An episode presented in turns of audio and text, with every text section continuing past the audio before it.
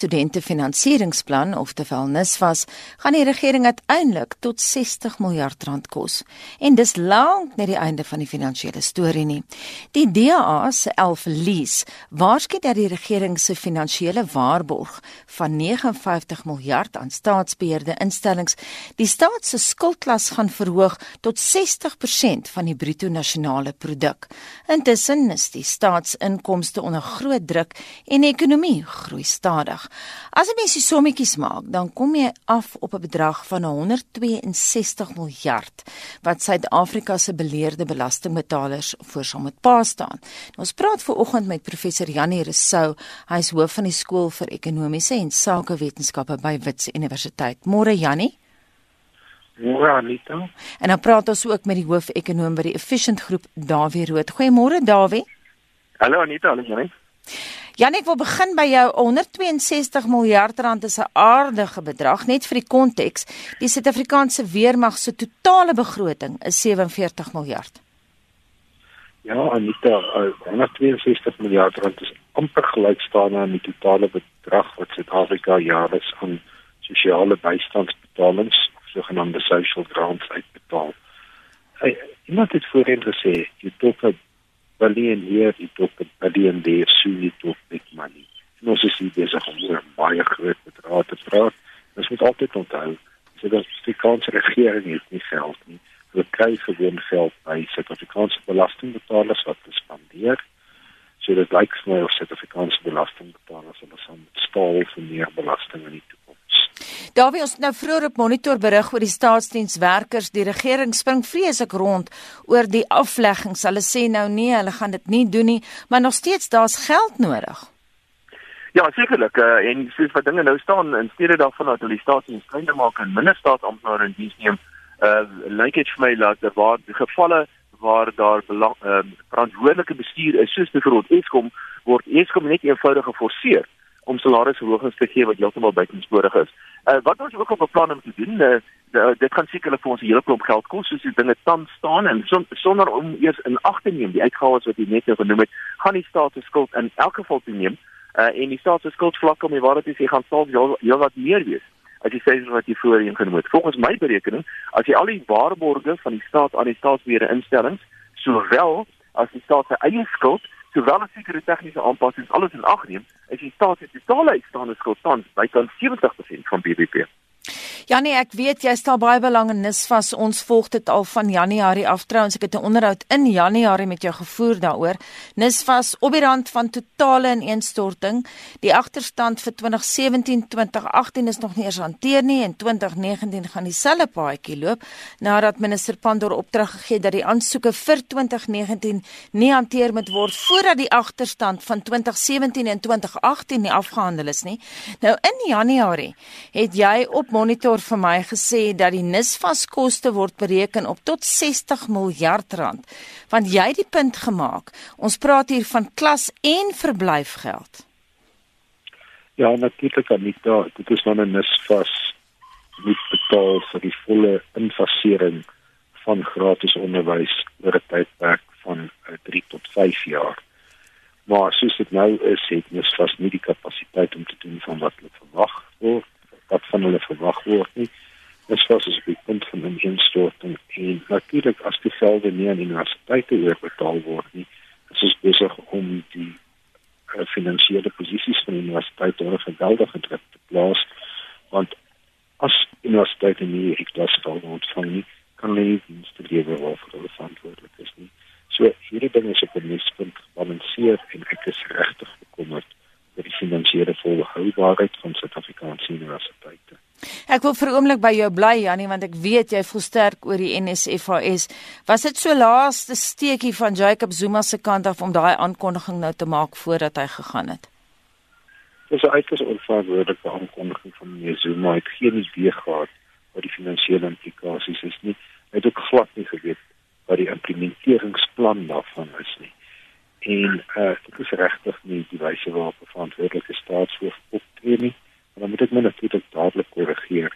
Verantwoordelikheid en Jacob Zuma is nie twee begrippe wat mense in dieselfde paragraaf eers kan gebruik nie. Dawie, kom ons gaan na ons huidige president toe. Kom ons kyk na die haalbaarheid van Cyril Ramaphosa se ekonomiese stimulusplan. Die syfer wat by die onlangse ANC se Godla bespreek is, is 43 miljard. Is dit in die kol? Ja. Ja, ek weet nie net, ons het nie al die nodige inligting nie, maar ek reken dit kan seker naby aan die kol wees. Maar die realiteit is is dat die werklike stimulus van die staat eintlik heelwat meer is as dit. Nou dit is 'n bietjie tegnies en uh, Janie glo ek sy met my saamstem, maar die blote feit dat die staat 'n fiskale tekort het, is eintlik aanduidend dat die staat uitbreidend van wat die fiskale beleid uitbreidend van aard is. Met ander woorde, uh, soos ons almal weet, die staat spandeer meer geld as wat hy belastings inkry en dit word gesien as 'n soort van 'n stimulus. So dit is alreeds eintlik 'n baie groot stimulus van die fiskale rekening se kant op. En dit is die rede hoekom ons in die moeilikheid is vandag. Of hierdie addisionele plan van die van die uh, van die regering of beweerde plan stimulusplan van die regering of dit rondom 40 50 miljard rand kan wees. Ek reken nou nogal so en dan word nou beweer dat daar meer geld gespandeer word of en dit is al dit is nie die goed waarop ons geld moet spandeer noodwendig nie. Goed soos byvoorbeeld um jeug uh, uh, uh, opleiding vir die jeug om werk te kry, goed soos byvoorbeeld die ondersteuning van klein sake, uh, sekere ander uh, uh, projekte wat aangepak moet word om sekere sosiale en politieke doelwitte te bereik en dis meer. En dit is werklik waar nie die goed wat ons behoort te doen nie. Maar as mens praat van 'n van 'n stimulusprogram van so rondom 40 50 miljard dan klink dit vir my of dit rowweg in die kol kan wees. Dawie, ek wil nou vir jou vra, wat behoort ons dan te doen? Wel, dit is eintlik die punt. Ek dink wat mense behoort te doen en dit is waar ons politici totaal en al die bal uh, misslaan. En die vroeëre gesprek wat jy gehad het met Mike is uitstekende voorbeeld daarvan. Nou wil daar sogenaamde uh, sovereign wealth fund tot stand gebring word. Ons het eintlik 'n klompie van hierdie goeders.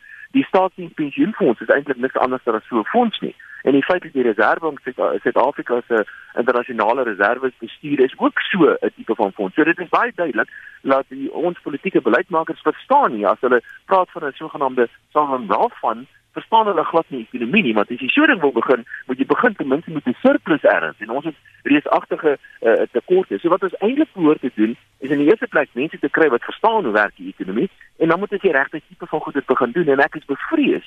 Die regte tipe van goeders is polities nie maklik om te doen. En een van die regte tipe van goed om te doen is om die staatsdiens te verklein, om die staat uit die pad te kry van besigheid, om ook nou mense te dryf dat hulle hulle eiendom gesteel gaan word en dis meer en dis meer en miskien 'n goeie beginstap sal wees uh, vir die president self om van mense wat geïmpliseer word uh van misdade en korrupsie miskien ontslae te raak of van hulle uit te skei uh, uit te skei uit sy eie kabinet uit. Ek het met internasionale joernaliste gepraat en na aanleiding van die vir die publikasie wat oor die vir die visiepresident internasionaal verskyn het onlangs en hulle kan nie verstaan dat ons voortgaan om mense wat tot so mate geïmpliseer is nog steeds deel van ons politieke leierskap te maak nie. Dit kan miskien 'n goeie en regte begin wees. Ons praat vanoggend met professor Janie Resou hoof van die skool vir ekonomiese en sakewetenskappe by Wits Universiteit en die hoof-ekonoom by die Efficient Groep Dawie Rood. Ek wil nou terugkom na jou toe Janie. Dawie het nou verwys na hy noem dit reusagtige tekorte. Hoe lyk Suid-Afrika se skuldklas tans? Suid-Afrika se skuldklas moet ons dan nou sê, daar's natuurlik twee of drie tipe skuldklas. Die een is natuurlik die land se buitelandse skuld. Dis 'n tipe skuldklas. Die ander is die skuld van Suid-Afrikaners, maar die een wat vanoggend bespreek is, is natuurlik die regering se skuldklas. En die skuldklas van die regering op die oomblik is so 53% van die BBP. Daar word die somme gemaak om ander verpligtinge by te tel wat ek neem na so wat 70% van die BBP. Die uitstellende faktor egter is dat dit toegeneem het oor die laaste 10 jaar van omtrent 23% van die BBP tot omtrent 53% van die BBP natuurlik met 'n gepaardgaande baie groot toename in rente op staatsskuld. Ek wil ook net terugkom na baie goeie punte wat daar is gemaak het rondom staatsdiens en diensneming. Ek wil dit weer trek. Dit moet natuurlik staatsondernemings en ook SARS insluit, maar die regering dringend sal moet doen om alle vorms van sogenaamde bonusbetalings aan mense wat by hierdie ondernemings in die staat self in diens geneem word onmiddellik te stop.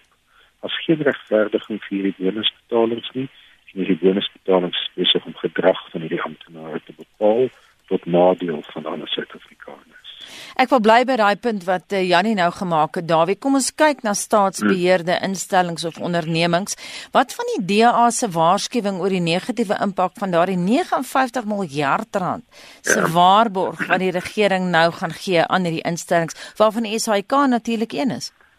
Ja, mense moet mooi verstaan hoe hierdie spreekie werk. Dit is al 'n waarborge van die staat aan staatsbeheerde instellings op hierdie stadium met so 'n 400 en meer as 450 miljard rand. Dit is 'n verskriklike klomp geld, 450 000 miljoen rand, waarvan Eskom natuurlik die enkele grootste een is. Nou hierdie syfers word nogal redelik hmm, kreatief mee te werk gegaan. Byvoorbeeld nie te lank terug nie, eh, so 2, 3 jaar terug het die minister van finansies besluit om die skuld van van um, ek dink dit was Suid-Afrikaanse lugdiens, dit was 30 miljard rand as ek reg onthou, om dit te verander in sogenaamde equity. Nou eintlik wat dit beteken het, hulle het net eenvoudig die skuld afgeskryf. Nou nou as jy as jy die sommetjies gemaak oor waar die staatsbeheerde instellings in Suid-Afrika vandag staan, Eskom is 'n uitstekende voorbeeld en Eskom se finansieringsbehoefte van jaar is so wat 75 miljard rand. Nou dit klink vir my of hulle by die ontwikkelingsbank en by die op by die Chinese alreeds so wat 40 miljard rand of so het hulle alreeds gekry. So daar's nog 'n bedrag van so wat 30 miljard rand of so wat ek nog nie seker is waar Eskom dit vandaan gaan kry nie. Maar dit is nie al nie, aan nie, want daar's heelwat ander instellings ook. Soos byvoorbeeld die plaaslike owerhede. Die plaaslike owerhede, die heel meeste plaaslike owerhede, 2/3 van hulle volgens die ouditeur-generaal word finansiëel uiters swak bestuur. Hulle skuld natuurlik ook 'n klomp geld aan instellings soos byvoorbeeld Eskom. So ja, ek is ek is nog vrees as jy die ons finansies ontleed. Van die staatsbeheerde instellings, ek weet SAL en Eskom is die twee wat die meeste genoem word, maar daar's baie ander ook wat net so diep in finansiële moeilikheid is en as jy al hierdie syfers bymekaar tel, is ek bevrees dat dan lyk dit maar regtig beroerd vir Suid-Afrika se finansies oor die volgende klomp jare. Ja, nee, wat van die rente? Natuurlik het die rente op staatsskuld geweldig toegeneem. Die berekeninge wat uh, ons al voorheen gedoen het oor die fiskale afgrond, sluit juist die baie sterk stygings in die rente las op staatsskuld in.